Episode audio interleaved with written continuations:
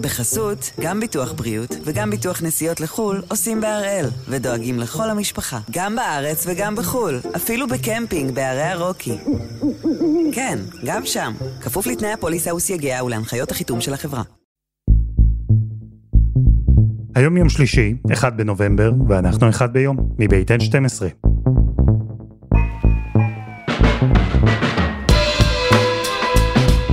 אני אלעד שמחיוף, ואנחנו כאן כדי להבין טוב יותר מה קורה סביבנו, סיפור אחד ביום, כל יום.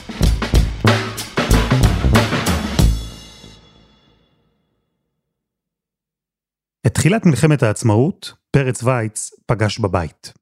גרנו בבני ברק, בשכונה שהייתה מעל הכביש, כביש פתח תקווה, תל אביב פתח תקווה, שזה אז נקרא הכביש השחור.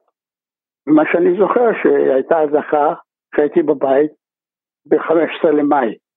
אז מטוס ספיטפייר צלל וזרק פצצה על המבנה של אזור התעשייה.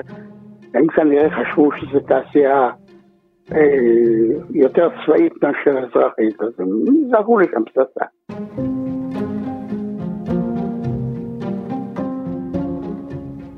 את ההמשך שלה הוא כבר פגש בצבא, בקורס הקשר הראשון בתולדות צה"ל. היינו בקורס שלושה חודשים, די מנותקים מה, מה, ממה שנעשה באזרחות במדינה.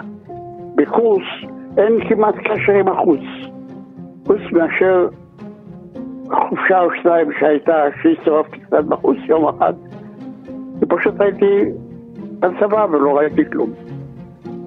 זה קצת אה, אירוני אולי, שחניך בקורס הקשר מתאר שבשירות שלו הוא היה מנותק לגמרי מהסביבה, אבל אלו היו ימים אחרים, ימים של מלחמה. וכמעט בלי שפרץ שם לב, לא רחוק מהחזית התחילה להתארגן לה מדינה, והתארגנו להן גם בחירות ראשונות. מי התעניין בבחירות אז? למי היה זמן לטפל בבחירות? אפילו לא דיברו על זה בצבא, עד כמה זכור לי. אין, אין פרסומות, אין תעמולה. הביאו הפס של הבחירות והצבענו בצבא. כל הסיפור לקח דקות, ובזה נגמר העניין. למי הצבעתי אז? השד יודע. אולי לציונים הכלליים. מילא שפרץ, בן 92 היום, מילא שהוא לא ממש זוכר למי הוא הצביע, אבל הוא כן זוכר שכחייל בחזית, הבחירות אז לא ממש דיברו אליו. עוד חיילים כמוהו שדיברנו איתם אמרו לנו את אותו הדבר. כן, היו בחירות, אחלה, אנחנו היינו עסוקים במלחמה.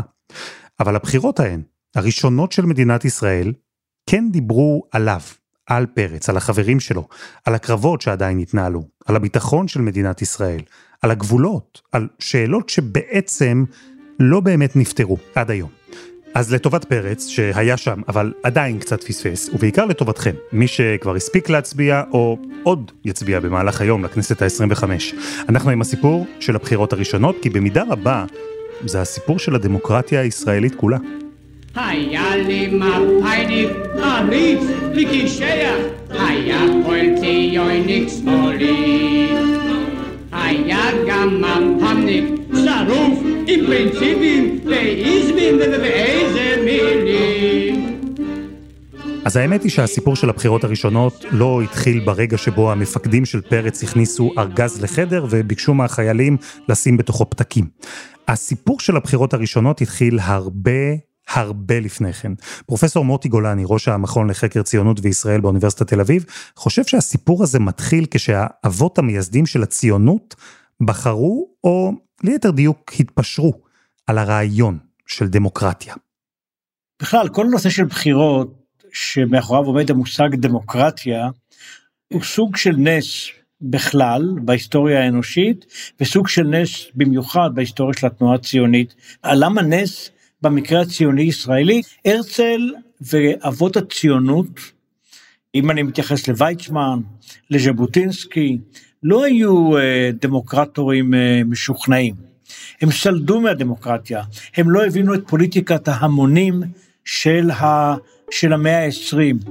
ויצמן, הרצל, הם חשבו כמו ביסמק, אני יודע מה טוב ואני אגיד לכם.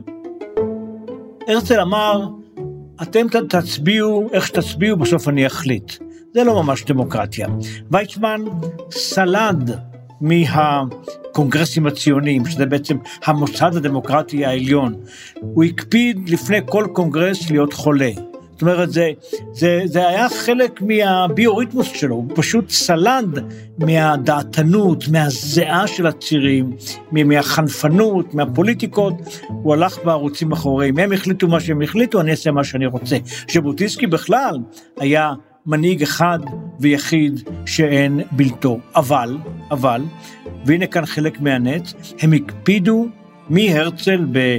שלהי המאה ה-19 ועד, אה, ועד ויצמן, ואחריו יורשים כמו בן גוריון ואחרים, הם הקפידו לשחק את המשחק הדמוקרטי. למה? אני חושב שזה בגלל אופייה המיוחד של התנועה הציונית, שהייתה תנועה טרנס-לאומית. כשאתה עומד בראש תנועה, לא בראש מדינה, שפורסה על פני כל כדור הארץ. אתה לא יכול לשבת באיזה פינה בלונדון או בתל אביב ולעשות ככל העולה על דעתך. תעשה בסדר, אף אחד לא יקשיב לך. הם הבינו שאין להם כוח פורמלי, הם היו חייבים כוח לא פורמלי, והכוח הלא פורמלי זה הרצון של האנשים להשפיע, גם אם הוא רצון שלא בא לידי מימוש, לפחות הם חושבים שיש להם אפשרות. אז זה היה עניין פרגמטי? לא הייתה שם איזו אמונה ברעיון הדמוקרטיה, כמו פשוט הבנה שזה מה שצריך כדי להניע תהליכים. לגמרי, לגמרי, אה, אבל כדי שהעניין הרציונלי הזה, הפרגמטי הזה יעבוד, הם היו חייבים להשתמש במילים הנכונות, על דמוקרטיה ועל אה, החלטות הרוב. צריך לזכור שהפנים של הרצל, ויצמן וז'בוטינסקי, כדוגמה, כמנהיגים בולטים, היו מכוונות מערבה. הרצל העריץ את הפוליטיקה הגרמנית ואת הבריטית. ז'בוטינסקי היה אפילו בריטי מובהק, ויצמן אפילו לא היה פרו-בריטי, הוא היה בריטי. כלומר, הם הסתכלו על לונדון, כן? לונדון הייתה המרכז, ללמוד מהדמוקרטיה הבריטית איך עובדים. זה שהם לא אהבו את זה ולא האמינו בזה עד הסוף, הם הבינו, כמו שאמרתי קודם, שזה המשחק שהם צריכים לעשות. הציונות בחרה בדמוקרטיה, והיו כמה רגעים, כמה צמתים כאלה שבהם זה לא היה מובן מאליו שזו הבחירה שתעשה. למשל אחרי השואה, הכינוסים של הקונגרס הציוני חודשו, למרות שחברים רבים בו נספו. ובכלל, ככל שהיישוב היהודי בארץ ישראל התגבש לכיוון של מדינה, ככה האופי הדמוקרטי שלה הפך לעובדה מוגמרת. היישוב הזה בחר אספת נבחרים. אספת הנבחרים הזו בחרה אה, את אה, הוועד הלאומי. הוועד הלאומי בחר נשיא. כלומר, היה כאן מבנה דמוקרטי נבחר, אחת לארבע, חמש שנים. כלומר, כשאמרו לרוב הציבור ב-48 בחירות, זה לא נפל להם מהשמיים. אז הייתה החלטה שהמדינה החדשה תהיה דמוקרטית, היו לה מוסדות מוכנים, היו נציגים מנוסים, היו מפלגות מבוססות, אבל פתאום הייתה גם מלחמה שקרתה במקביל. אז איך מדינה צעירה, שהרגע קמה, איך היא מארגנת ככה בחירות? שאלה מצוינת, אתה לא מארגן בחירות. וזו הסיבה שבעצם הבחירות נדחו מפעם לפעם. נכון שבקיץ 48 כבר הכף נוטטה לטובת ישראל, בעימות מול אה, ארבעת המדינות אה, הפולשות, אבל זה לא מקרה שרק כשהיה ברור שהולכים להסכם עם מצרים, ינואר 1949, הכל היה מוכן, הלכו לבחירות. השיחות שביתת הנשק איתה, הם בעצם אפשרו את הבחירות. ישראל למדה פה דבר שהיא לא ידעה שהיא תעשה בו שימוש כל כך גדול בעתיד. וזה לקיים דמוקרטיה תוך כדי מצב ביטחוני נזיל מאוד.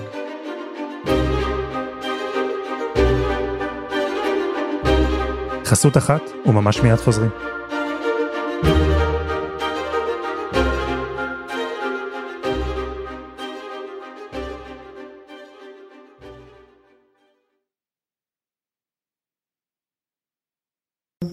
בחסות, גם ביטוח בריאות וגם ביטוח נסיעות לחו"ל עושים בהראל, ודואגים לכל המשפחה, גם בארץ וגם בחו"ל, אפילו בקמפינג בערי הרוקי. כן, גם שם, כפוף לתנאי הפוליסה וסייגיה ולהנחיות החיתום של החברה. ביום שבו ישראל בוחרת את הכנסת ה-25, אנחנו חזרנו לבחירות הראשונות, אלו שהיו אמורות להיערך ב-1948, אבל נדחו בגלל מלחמת העצמאות לינואר 1949. ובגלל שאלו היו הבחירות הראשונות של מדינה צעירה שבסך הכל כמה, כמה חודשים לפני כן, העסק היה מעט מורכב. הייתה תקופת מעבר. אלו היו בחירות לאספה מכוננת. זה הגוף שהיה אמור להחליף את מועצת העם. ולאספה המכוננת בגדול היו שתי מטלות. לכונן בישראל חוקה, ואז להתפזר. לפלס את הדרך למה שתהפוך לכנסת הראשונה. אני אעשה לכם ספוילר קטן, היא לא בדיוק הצליחה, אבל זו הייתה המטרה.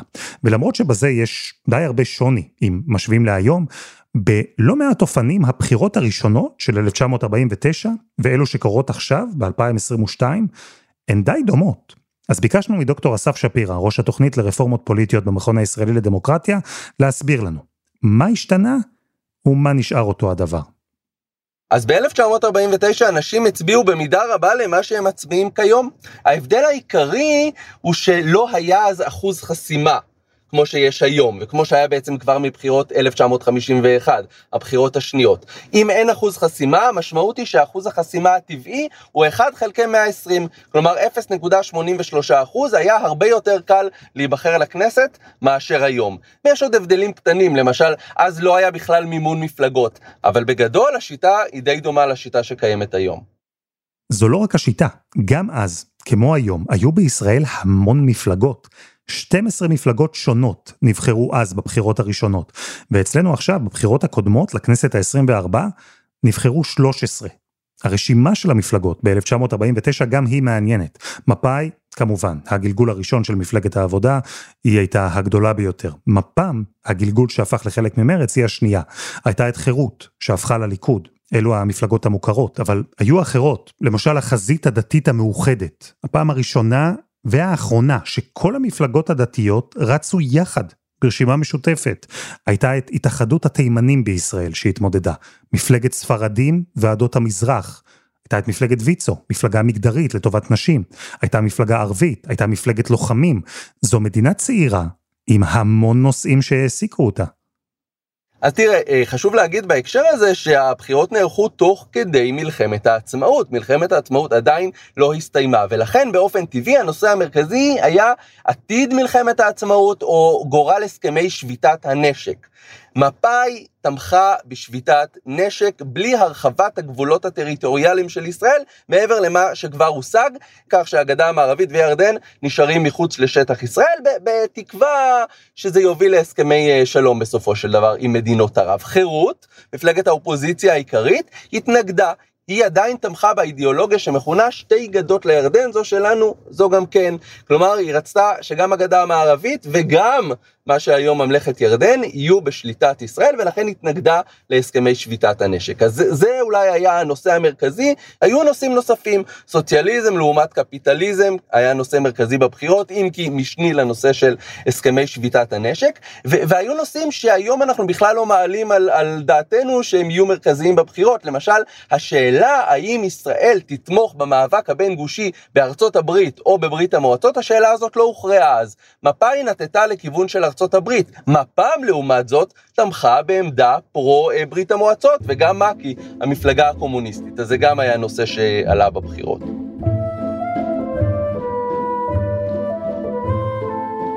וזו הייתה גם מערכת בחירות מוזרה, כי היו בה אספות עם לציבור. במקביל, היו בה חיילים בזמן מלחמה. היו ויכוחים על משנתו של אפלטון, באמת, זה קרה. ומנגד היו אמוציות, אגרסיביות, היו למשל פוסטרים שהשוו בין בגין להיטלר. זו הייתה מערכת בחירות של מדינה שלא רק שאלה את עצמה מי ינהיג אותי, אלא גם מה אני רוצה להיות, איך אני אעצב את עצמי, מה הזהות שלי. אז באופן טבעי זו הייתה מערכת בחירות קצת כאוטית, אבל גם מאוד חגיגית. אז כן, מדובר באמת בשילוב. קודם כל, זה היה מאוד חגיגי. יש תיאורים נרגשים ביותר מהבחירות הראשונות, דרך אגב, בעיקר בקרב דתיים וחרדים, שראו את, אה, את הבחירות לא רק אה, כחג אה, לאומי, אזרחי, חג לדמוקרטיה, אלא כחג דתי ממש. יש תיאורים בשכונות דתיות, אנשים יוצאים בריקודים, חסידים, חסידי בלז, יצאו לקלפיות בריקודים ו- וראו בזה ממש סוג של חג דתי. השוו את השמחה לשמחה של שמחת אה, תורה. אז באמת הייתה אווירה מאוד מאוד חגיגית, וגם הבחירות עצמן, צריך אה, אה, להגיד, נערכו ככל שידוע לנו באופן מסודר יחסית. לא היו כמעט תלונות על פגיעה בטוהר הבחירות, זיופים וכן הלאה. דרך אגב, כבר בבחירות הבאות ב-1951, כן התחילו אה, טענות כאלה, זה לא קרה בבחירות הראשונות. מצד שני, הן גם היו בחירות סוערות. הן היו בחירות סוערות, זה כאמור היה בזמן מלחמה, זה היה זמן קצר אחרי אירועים סוערים שפילגו מאוד את, ה, את הקהילה היהודית לפחות אה, בארץ ומדינת ישראל, פרשת אלטלנה, רצח הרוזן ברנדות, פירוק הפלמ"ח, באמת חילוקי דעות קשים גם בין מפא"י למפ"ם, בוודאי בין מפא"י אה, לבין אה, חירות, אז היו בחירות מאוד סוערות, מאוד השתתפותיות. The campaign is reported as being a pretty noisy affair. but that was quite natural on such an exciting occasion. All shades of opinion, from the United Religious Front to the Communist Party, had to be expounded by loudspeaker and by poster. הרבה כנסים, הרבה הצהרות, הרבה הפגנות, הרבה התגייסות של העיתונות במערכת הבחירות. צריך לזכור שבאותה תקופה כמעט לכל מפלגה היה עיתון, אין דבר של תנועת אה, העבודה או מפא"י על המשמר של מפ"ם, חירות של חירות, עיתונים דתיים, עיתונים קומוניסטיים, אז כל עיתון היה ממש בסיס תעמולה של מפלגה מסוימת. ולא, אי אפשר לומר שמערכת הבחירות הראשונה של ישראל הייתה צמודה או מותחת במיוחד, כי אמרנו, היא לא קרתה בוואקום. במדינת ישראל היו כבר גופים מבוססים, היו דמויות דומיננטיות, והיה ברור שאותם גופים ואותן דמויות ימשיכו להוביל גם אחרי הבחירות. אפשר להגיד שהגרוש המרכזי שהיה די ברור שהוא יהיה דומיננטי בבחירות, היה תנועת העבודה, שהורכבה ממפא"י, שוב, היום העבודה, וממפ"ם. אני צריך להגיד שלא היו אז בכלל סקרים. אז לא הייתה באמת אפשרות לדעת מה, מה יהיו התוצאות אפילו בקירוב, אבל כן הייתה הערכה כללית שזה הגוש הדומיננטי, הוא היה גם דומיננטי במוסדות היישוב, הוא, הוא שלט בהגנה ובפלמ"ח, הארגונים הצבאיים העיקריים, בלי לזלזל באצ"ל ולח"י כאמור, אז, אז זה היה הגוש המרכזי. האופוזיציה המרכזית, או לפחות המפלגה שקיוותה להיות האופוזיציה המרכזית, זו מפלגת חירות, כיום הליכוד, בהנהגת מנחם בגין. Polling 34% of the civilian votes in Israel's first election. The Mapai Labor Party of Prime Minister David Ben-Gurion is today assured of victory. אבל, ויש אבל, אם אנחנו כבר מתעסקים בהשוואות בין אז להיום, אז גם אז ידעו מי תהיה המפלגה הגדולה. לא באמת ידעו מה יהיה הרכב הקואליציה. ואז, אחרי הבחירות ואחרי שמפא"י זכתה ל-46 מנדטים, בן גוריון החליט על קואליציה מפתיעה, כזו ששינתה את פני המדינה מאז ועד היום. הממשלה שהוקמה בסופו של דבר לא שיקפה את אותה חלוקה פוליטית. בסופו של דבר, מפא"י לא הרכיבה ממשלה עם מפ"ם, היא הרכיבה ממשלה עם החזית הדתית המאוחדת, עם הפרוגרסיבי, מפלגת מרכז ומפלגות אה, אה, קטנות נוספות. וזה מה שנקרא, אה, זו ראשיתה של הברית ההיסטורית. מפא"י בחרה לכרות ברית היסטורית עם המפלגות הדתיות, אז זה גם היה חרדיות, אחר כך בעיקר הדתיות, ולא ללכת עם מפ"ם. והברית ההיסטורית הזאת ליוותה אותנו עד 1977, והיא גם משתקפת בהסכמי הסטטוס קוו שגובשו עוד אה, לפני הבחירות, אבל המשיכו גם אחרי הבחירות. למה מפא"י בחרה לא ללכת עם מפ"ם, השותפה הטבעית שלה? אז הסיבה העיקרית היא שמפ"ם באותה מערכת בחירות הייתה המפלגה השנייה. מפא"י זכתה ב-46 מנדטים, מפ"ם זכתה ב-19 מנדטים, המפלגה השנייה, האלטרנטיבה השלטונית המרכזית, ובן גוריון כידוע לא כל כך אהב אה, אלטרנטיבות שלטוניות, אז הוא החליט לא ללכת עם אה, מפ"ם, וגם היה את הוויכוח האם ישראל צריכה לתמוך בארצות הברית או בברית המועצות אה, בסכסוך הבין גושי.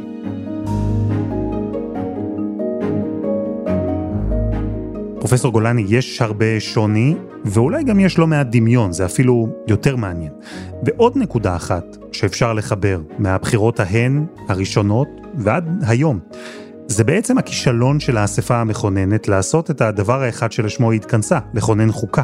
כי היו מחלוקות, היו סוגיות שלא הצליחו לפתור, סוגיות של דת ומדינה בעיקר, והמחלוקות האלה הובילו להחלטת הררי, שקבעה שאת החוקה יבנו בשלבים, בחוקי יסוד לאורך זמן, ובסוף במבחן התוצאה, הדמוקרטיה הישראלית נשארה מאז ועד היום במצב הרבה יותר שברירי ממה שנבחרי הציבור של 1949 רצו. בזה, האספה המכוננת בעצם לא הצליחה. נכון. אבל קודם כל היא הצליחה. היא הצליחה במובן הזה שקמה דמוקרטיה מתפקדת, בוודאי לגבי יהודים. אה, אולי הסימן ההצלחה ביותר, שכבר, הגדול ביותר הוא שכבר ב-1951 נפלה הממשלה, זה אומר שזה עובד. אה, לא צריך שזה יקרה יותר מדי כמובן, אבל מבחינת החוקה זה לא הצליח, זה נכון. וזה כישלון אה, כללי של כל המערכת, שלא הצליחה להתגבר על ויכוח הוויכוחים בחברה הישראלית, זה יחסי דת ומדינה, שזה בעצם הוויכוח על עצם מהותה של ישראל כמדינת היהודים או מדינה יהודית. זו שאלה, שאלת בסיס קיומית. אני סבור שלדעתי אם היינו מערכת שלא לא מתמקדת היום בתוקף האווירה בעולם באישיות כזו או אחרת, זה הוויכוח המרכזי שצריך לשים על השולחן. אז מה אפשר אה, ומה צריך ללמוד לדעתך? איזה לקח אנחנו צריכים לקחת מהבחירות הראשונות לבחירות האלה שאנחנו עורכים היום? כן, אנחנו צריכים ללמוד קודם כל שדמוקרטיה זה עניין רציני, שצריך להשקיע בו, ולהגיד מה, לא רק מי, ושאם אתה מזניח משהו, אחר כך אתה מאבד עליו שליטה. שמשהו בלתי נתפס היום, יהיה מובן מאליו מחר, אם לא תטפל בו. אני חושב שאם אנחנו, אסור לנו להירדם בשמירה. דמוקרטיה היא נס בכלל, כמו שפתחנו ואמרנו, במקרה הישראלי במיוחד. ואף אחד שלא יחשוב שהעובדה שאתה ואני יכולים היום לדבר בראש חוצות על מה שאנחנו עושים, זה מתנה משמיים ומובנת מאליה, לא. צריך לשמור גם על הדברים שנולדנו אל תוכם, ונדמה לנו שהם נבראו עם האדם. פרופסור מוטי גולני, תודה. תודה לכם. ותודה לדוקטור אסף שפירא ולפרץ וייץ.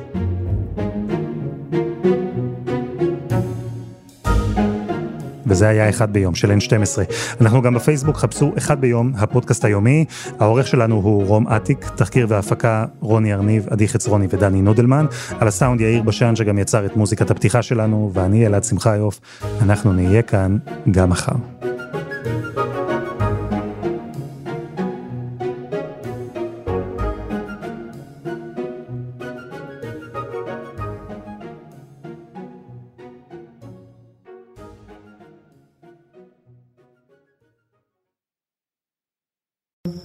בחסות, גם ביטוח בריאות וגם ביטוח נסיעות לחו"ל עושים בהראל, ודואגים לכל המשפחה, גם בארץ וגם בחו"ל, אפילו בקמפינג בערי הרוקי.